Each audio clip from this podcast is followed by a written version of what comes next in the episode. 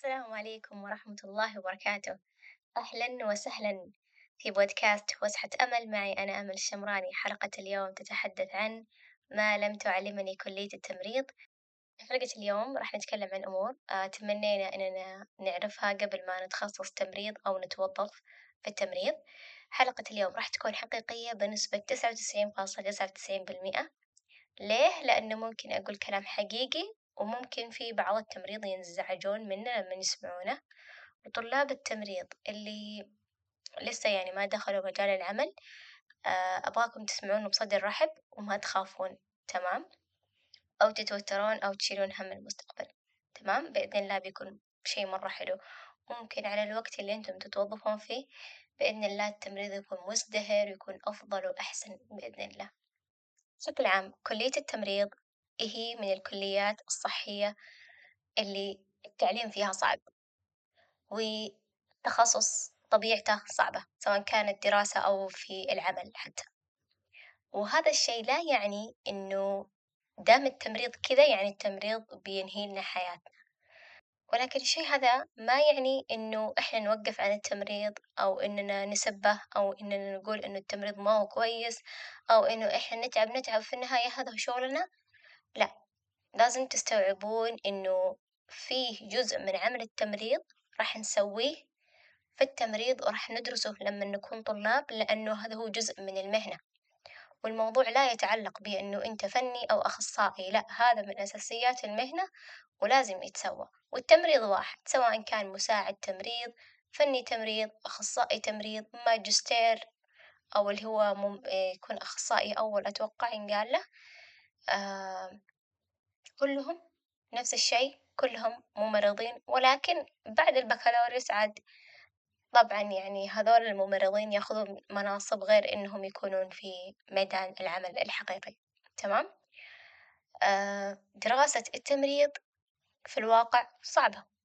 وفيها معلومات مرة كثيرة،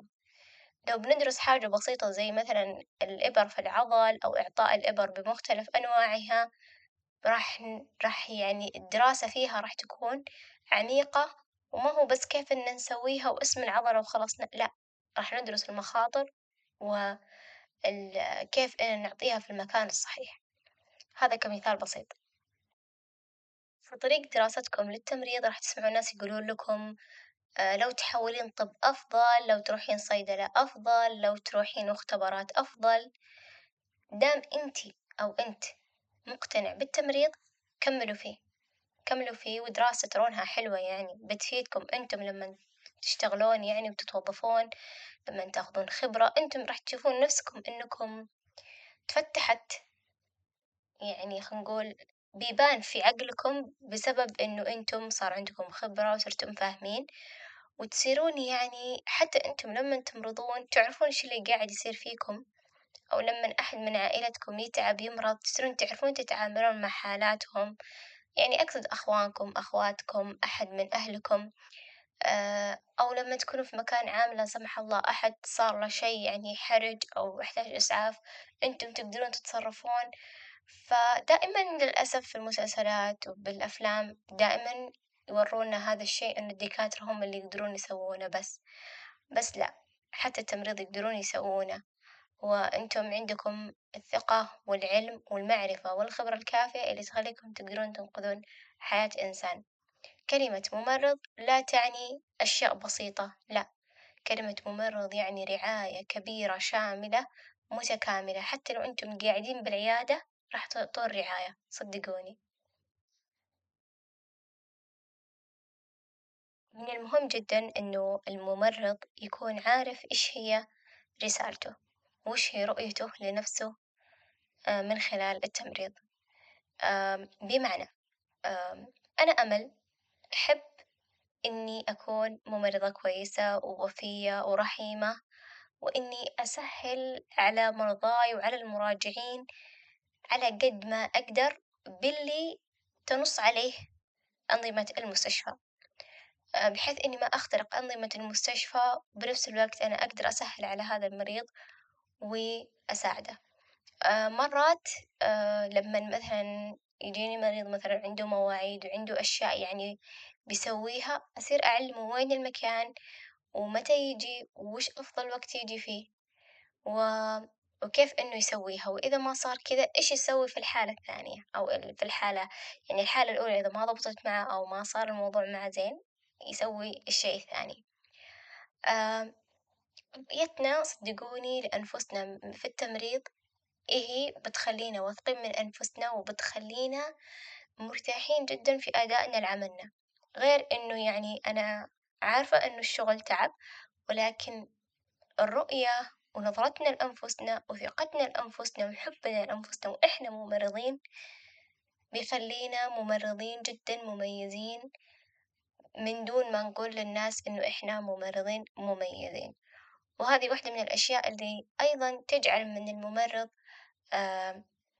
ينعرف اسمه ويتكرر اسمه على مسامع الناس وممكن إنه حتى في إدارة المستشفى اسمك ينقال سواء كان من المرضى من المراجعين من إدارة المستشفى، آه، طبعا هذا الشيء أنا ما أقوله علشان إنه إدارة المستشفى وبس علشان أنفسكم أولا، لأنه الرؤية تجعل منكم آه آه تجعل منكم ممرضين واثقين وما يخافون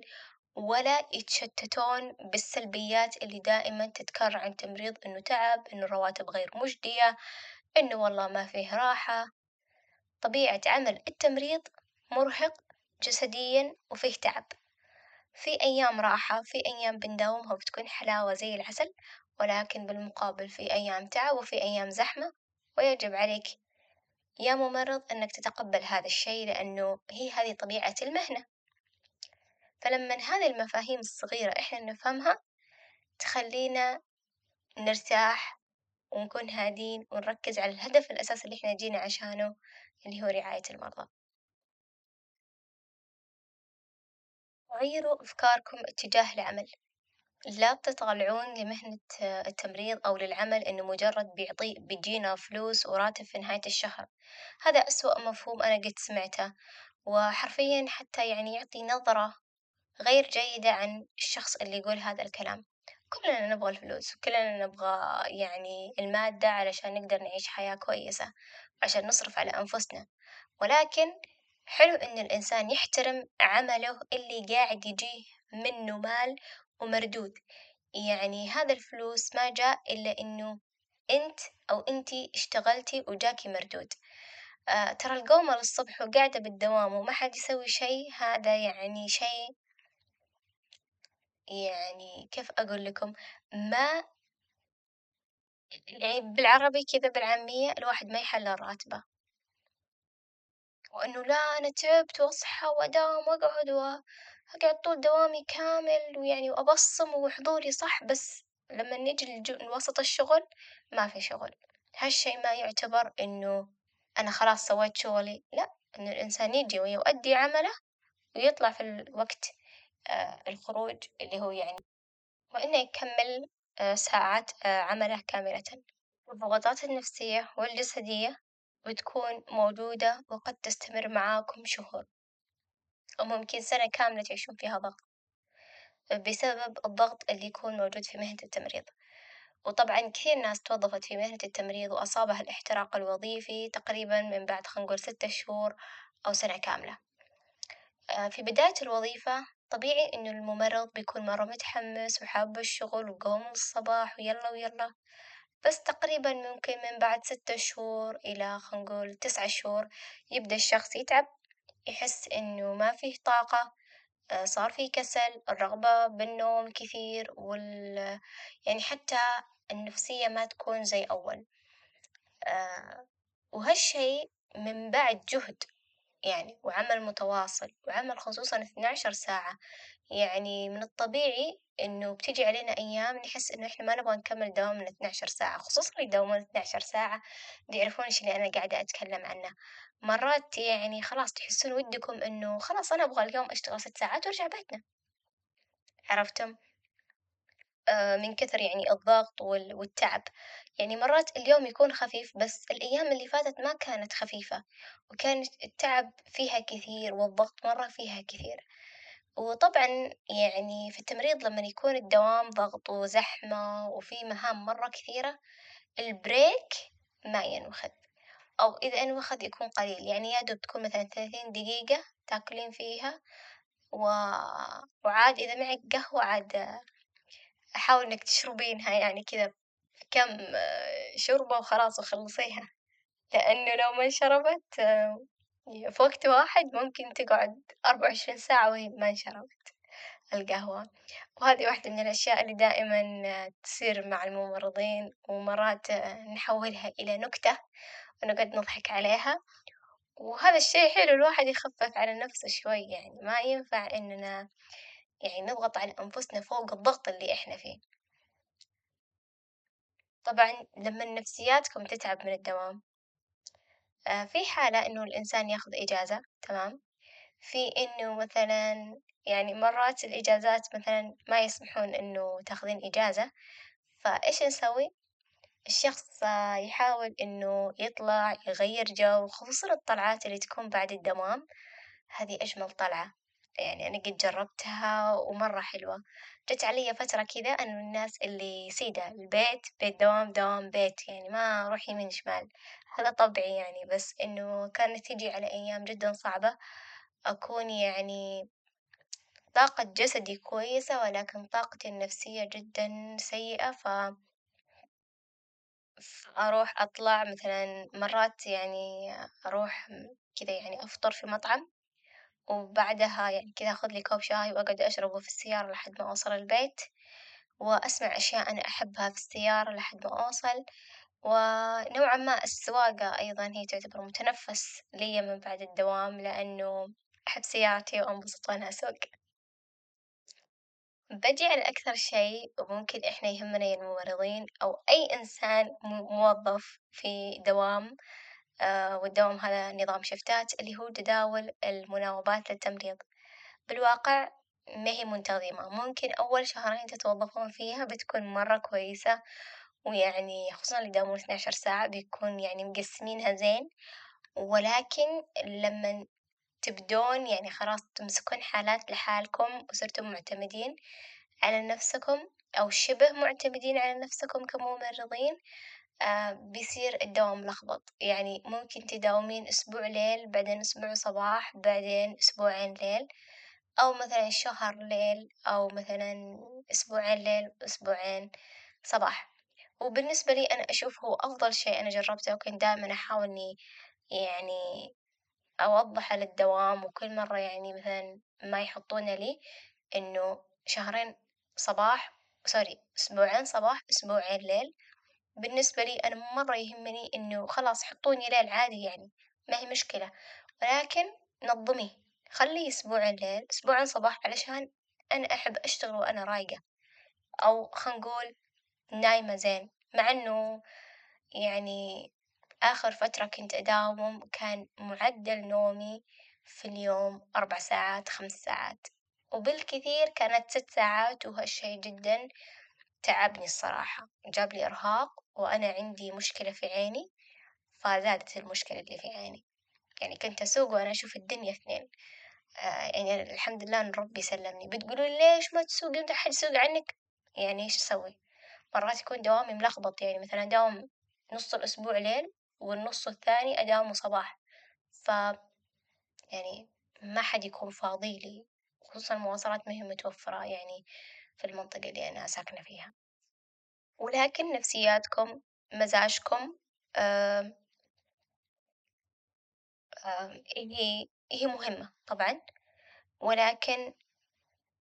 طبيعي جدًا إنه بتيجي عليكم أيام لما تداومون ما لكم خلق الدوام بتكون نفسيتكم ما هي كويسة مزاجكم ما هو كويس، ما راح تكونوا سعيدين ومبتسمين والدنيا إيجابية ووردية، وهذا شي طبيعي لأنه هذا هو الإنسان ما يكون على وتيرة واحدة، ولكن استوعبوا هذي الفكرة إنه مو كل يوم راح تكونوا كويسين، ولكن حطوا في بالكم إنه تعطون نفسكم حافز تشجعون نفسكم تهونون على نفسكم بالأول وتطمنون على نفسكم وتبينون لنفسكم قديش إنه إنتم رائعين إنه إنتم أقوياء إنكم مثابرين ومجتهدين لأنه بالرغم من الشعور إنتم في عملكم قاعدين تساعدون ناس ما تعرفونهم وتقدمون لهم رعاية في وقت هم محتاجين فيها لأمس المساعدة ولأمس الراحة والعلاج، وهذا الشي فيه أجر عند الله سبحانه وتعالى، وأيضا فيه يعني قيمة عالية. لك أو لك أنت يا أيها الممرض.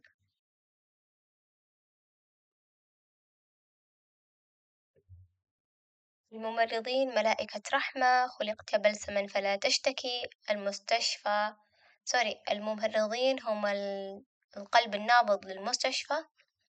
هذه كلها شعارات بالية شعارات آه صدقوني ما تشجع ممكن تشجع الناس اللي ما هم فاهمين آه طبيعة المهنة وطبيعة العمل فيه وطبيعة إنه التمريض في كثير أمور ما قاعد يحصل عليها آه أو إنه الإدارة التمريض ما هي ماشية في المسار الصحيح لإدارتها للتمريض آه ولكن الممرضين هم بشر يتعبون يمرضون يص- يصيبهم الفتور يكونون مرات سلبيين وهذا شي طبيعي. آه بتشوفوني أقول شي طبيعي كثير ولكن أنا أقصد شي طبيعي بس إنه يكون ما بين فترة وفترة يعني مو كل شوي. لأنه أنتم عارفين في ممرضين سلبيين حرفيا يستنزفون من طاقة يعني التمريض الجيد التمريض المجتهد في عمله المخلص في عمله زي أي إنسان آخر يشتغل في عمل غير مجال الصحي ويكون مخلص في عمله. تلقاهم كذا سلبيين تحبيط في تحبيط آه، وتلقاهم هم حاطين رجل على رجل و... وما يكملون شغلهم كامل. فهذول الناس حطوهم على جنب هذول أصلا يعني ما لهم أهمية ووجودهم مجرد وجود لا أكثر. آه، ولكن كونوا أنتم المصدر الأساسي لدافعيتكم وتقدمكم في مهنة التمريض، آه لأنه ممكن بالواقع ما راح تلقون آه شكر ولا تقدير ولا نقول آه دعم أو أو حوافز للممرضين ما بين فترة وفترة من إدارات التمريض أو حتى يعني من الوزارات بشكل عام. ولكن هذا الشيء آه، لا يعني إنه أنا ما راح أشتغل في ما راح أسوي شغلي زين إلا لما يجيني شكر وتقدير، لا آه، أنتم آه، زي ما قلت لكم ركزوا على عملكم وعلى كيف إنه إحنا نقدم رعايتنا بشكل صحيح وكيف إن نطور أنفسنا من أجل أنفسنا وخبرتنا التمريضية. وإنه يكون لنا طابع مميز في أدائنا لعملنا، تتعلمون وتراجعون معلوماتكم، التمريض ما هو مقتصر على إنه أنا لمن أشتغل وآخذ خبرة يعني خلاص ما أطور معلوماتي، لأ بالعكس. ال في حاجة اسمها practice based knowledge وهذا الشي ترونه مرة حلو، المعلومة والخبرة والمهارات والممارسة المهارات هذي على إنه نراجع معلوماتنا وندعم المهارة هذي بمعلومات بيخليكم تتقنون كل شيء وتكونون جدا ممتازين فيه، ما بقول مية بالمية ولكن بنسبة جدا عالية بتكونون جدا ممتازين فيه، المعلومة سبحان الله لمن إحنا نقعد نراجع معلوماتنا من فترة لفترة هذا الشيء يجدد شغفنا وحبنا للتمريض، تذكروا أنفسكم أول ما تدرسون تمريض أو للطلاب التمريض الآن، شوفوا أنتم الحين كيف شعوركم وأنتم تدرسون وتتعلمون وتشوفون أشياء جديدة وتتعلمون أشياء يعني ما قد سمعتم عنها خلينا نقول أو درستوهم بالتفصيل، شوفوا كيف قديش إنه أنتم يعني عندكم الحماسة له، أنا أعرف ممكن في ناس فقدت الشغف في التمريض لمن يعني خلينا نقول بعد مدة من دراسة التمريض ولكن هذا الشي لما يصير بالوظيفة ما بين فترة وفترة أنا مثلا والله آه، راجعت معلومات الستروك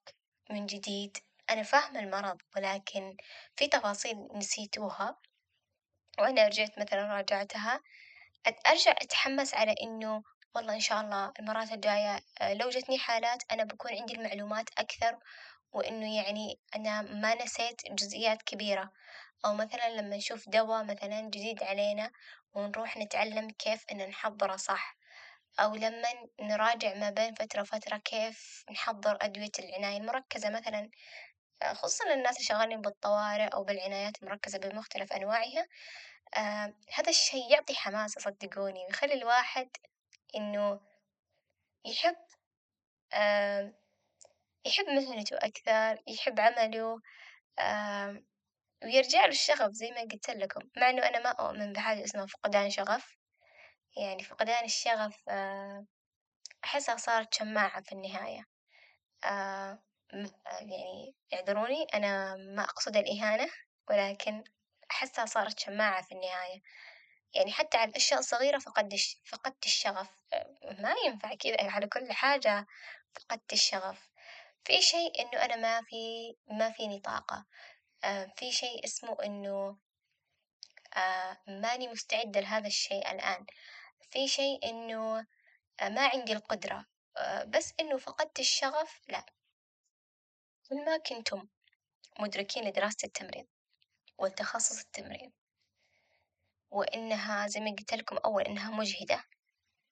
وإنه الحياة مع التمريض حياتنا في التمريض ومع التمريض إنها ما هي وردية ولا هي سوداء ولكنها رمادية وإنه نقدر نعيش حياتنا نقدر نروح ونجي ونطلع. هذا الشيء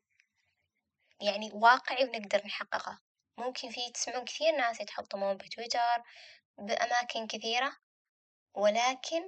اللي عنده فكرة معينة في راسه أو عنده خطة ما بينه وبين نفسه إنه كيف إنه هو يعيش حياته في التمريض مع الوقت صدقوني بيقدر إنه يتعايش مع هذا التمريض. و في مرضى ما يرضيهم شيء صدقوني. ومهما يعني قدمتم رعاية كاملة متكاملة آه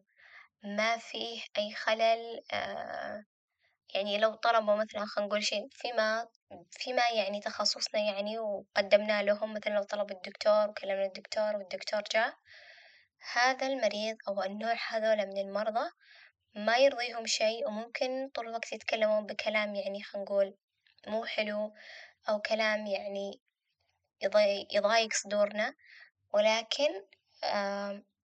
حطوا في بالكم إن المرضى مختلفين كثير وجايين من بيئات كثيرة. وتربوا في بيئات مختلفة جدا فراح تشوفون كثير من الناس يعني مختلفين تلقون السيء والجيد. ولكن لما تجون تتعاملون مع مرضى ما يرضيهم شيء قدموا رعايتكم كاملة وركزوا على شغلكم وبنفس الوقت كونوا على حق يعني لا تخافون أو تقلقون عشان المريض هذا يعني ما عجبه مع إنه الشي صح واللي شا... واللي صاير له ل... لمصلحته لا تخافون. وأنتم اللي جايين ترعون هذا المريض تعطون تقدمون له رعاية. فما ينفع إنكم تتأثرون بالشي اللي هو قاعد يقوله أو بالأسلوب اللي ق- قاعد يقدمه. ولكن حطوا ببالكم زي ما قلت لكم المرضى ما هم نقول لطيفين دائما. ورائعين دائما سواء المرضى أو المرافقين أو المراجعين. الأمور اللي من كل قلبي تمنيت إنه كلية التمريض تعلمنا إياها في مه... في اللي هي في مادة تندرس في في التحضيري اللي هي أتوقع اسمها مهارات تطوير الذات أو شيء زي كذا أو مهارات التواصل أتوقع إنه المهارات الناعمة جدا جدا جدا مهمة. ولازم نتعلمها والذكاء العاطفي لازم إن الشخص يطوره لأنه هذه المهارات كل ما تطورت وكل ما كانت قوية كل ما نقول خمسين بالمئة من تعاملاتنا في مهنة التمريض راح نقول نعرف نتعامل معاها ويقل علينا الضغط و... ونصير يعني نؤدي عملنا بخفة أكثر حتى لو إنه كان مرهق جسديا.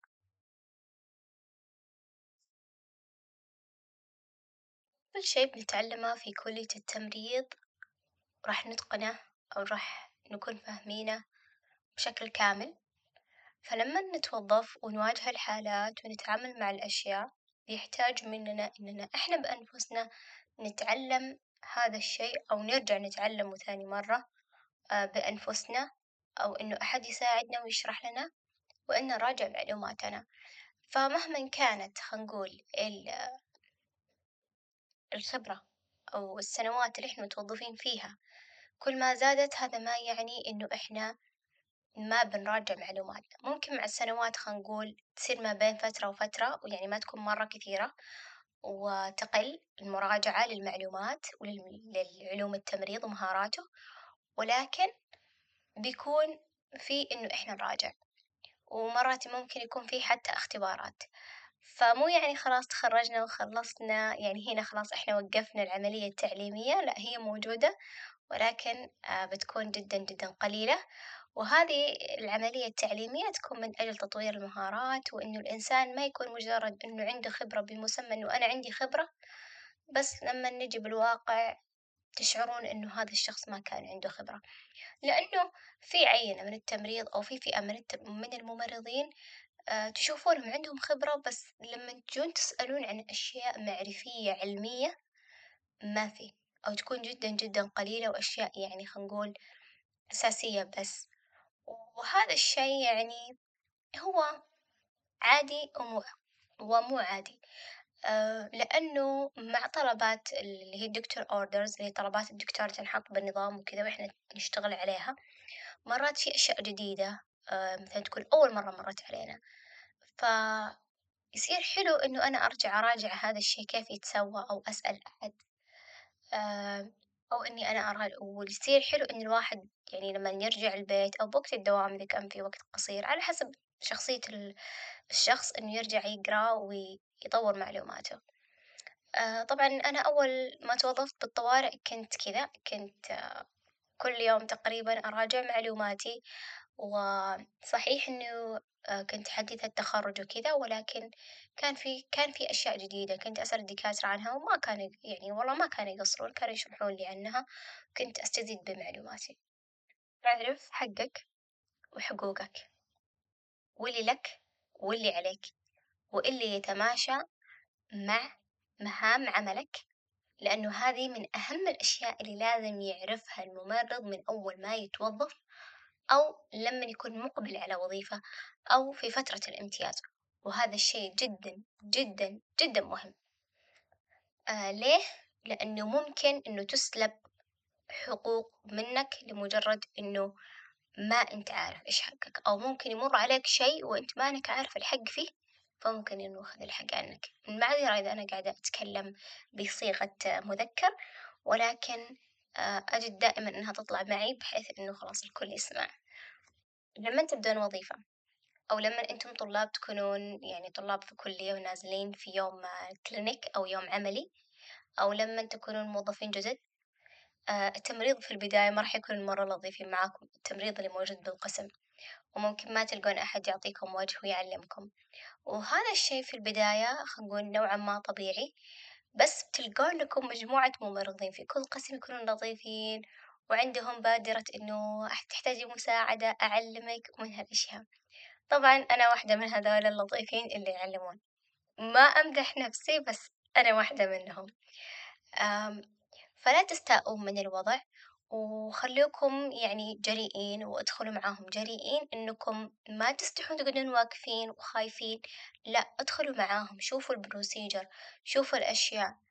بس إنه لا تدخلين كذا تدرعمين لا عرفي بنفسك قوليها nurse I am nursing student ولا I am intern. آه I am from college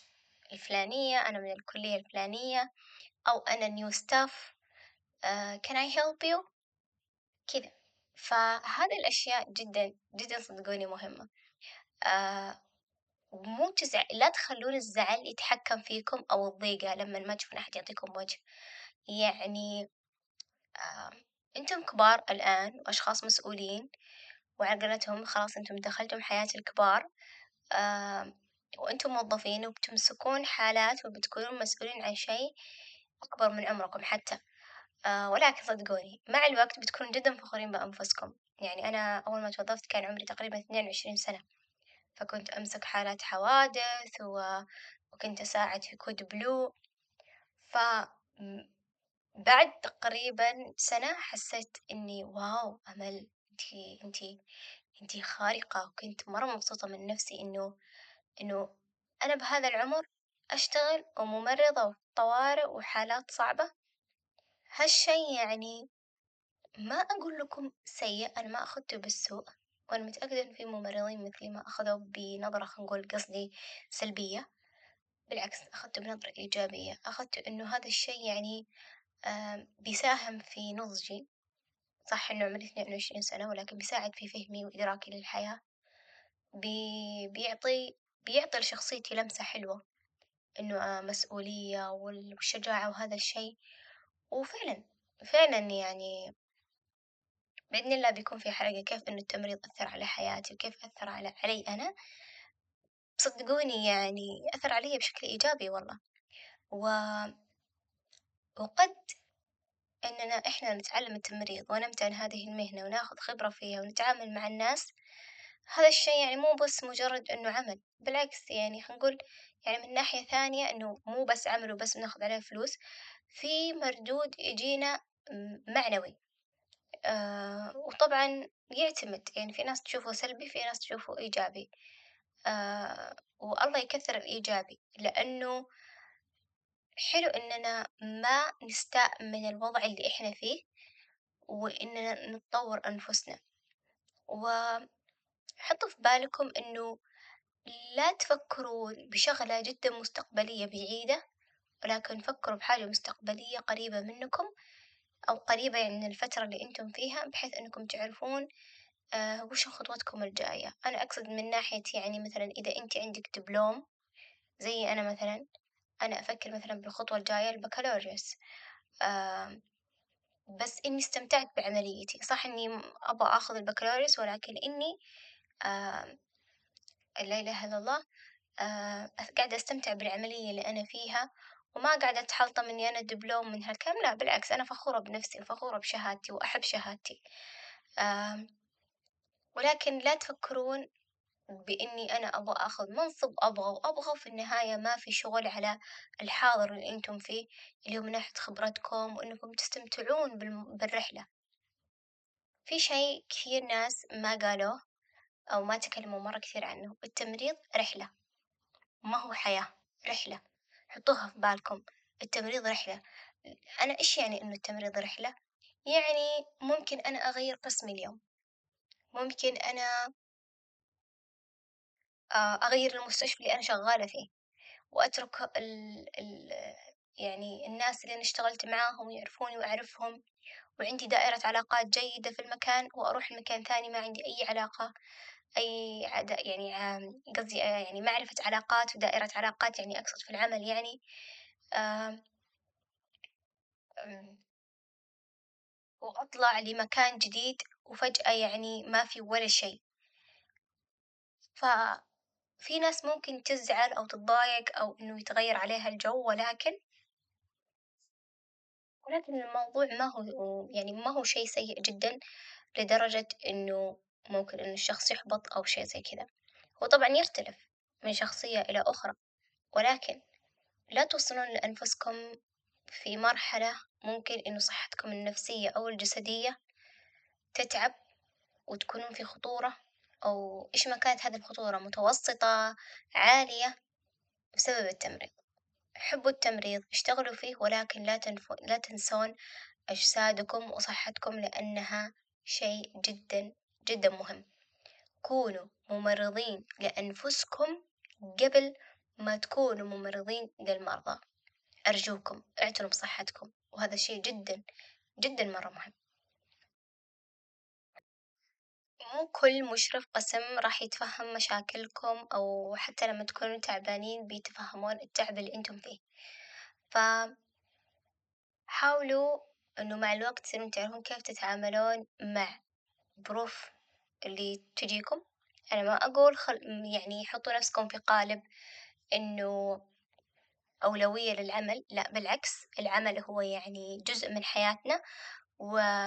وإحنا اللي نتحكم بعملنا وما نجعل عملنا يتحكم في حياتنا إحنا، لأنه هذا الشي خلينا نقول سام. مو حلو، يأثر على حياة الإنسان بشكل عكسي، آه أيضًا بنفس الوقت آمم في أنا متأكدة إنه في مشرفين تمريض جدًا رائعين وكويسين وسهلين مع موظفينهم، ويحاولون على قد ما يقدرون إنهم ينظمون العمل ويخلون العمل كويس ويخلون نظام القسم سهل ومرتب بحيث إن الممرضين يكونوا مرتاحين،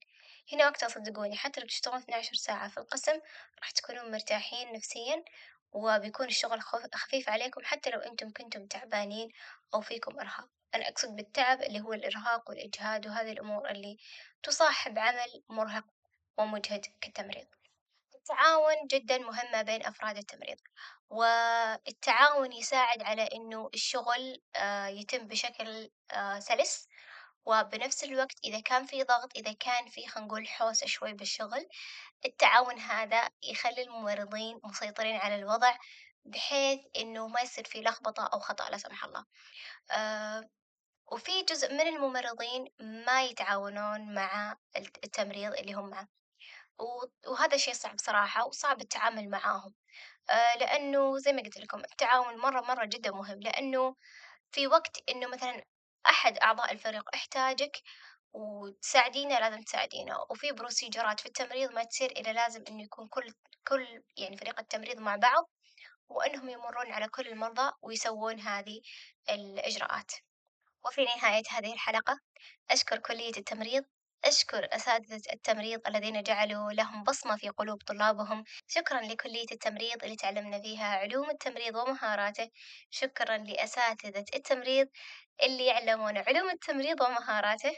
وشكرا لطالب التمريض الذي ما زال يسعى جاهدا لتعلم علوم هذا التخصص الرائع، لا تصغرون من هذا التخصص ولا تسمعون لكلام الناس اللي حولكم اللي يحاولون يصغرون منه، صحيح التمريض أمام الناس متعب وحتى فيما بيننا إحنا الممرضين، ولكن صدقوني الأجر عظيم والمهنة عظيمة واللي يمتهنون هذه المهنة عظيمة، الممرضين فعلا هم يدفعون عجلة التنمية، مرات إحنا نقول هذه الكلمة من باب الفكاهة، ولكن صدقوني الممرضين يعالجون الشرطة والعسكري وعامل النظافة وحتى الأطباء اللي يشتغلون معاهم والمعلمين وطلاب المدارس وطلاب الجامعة والمواطنين،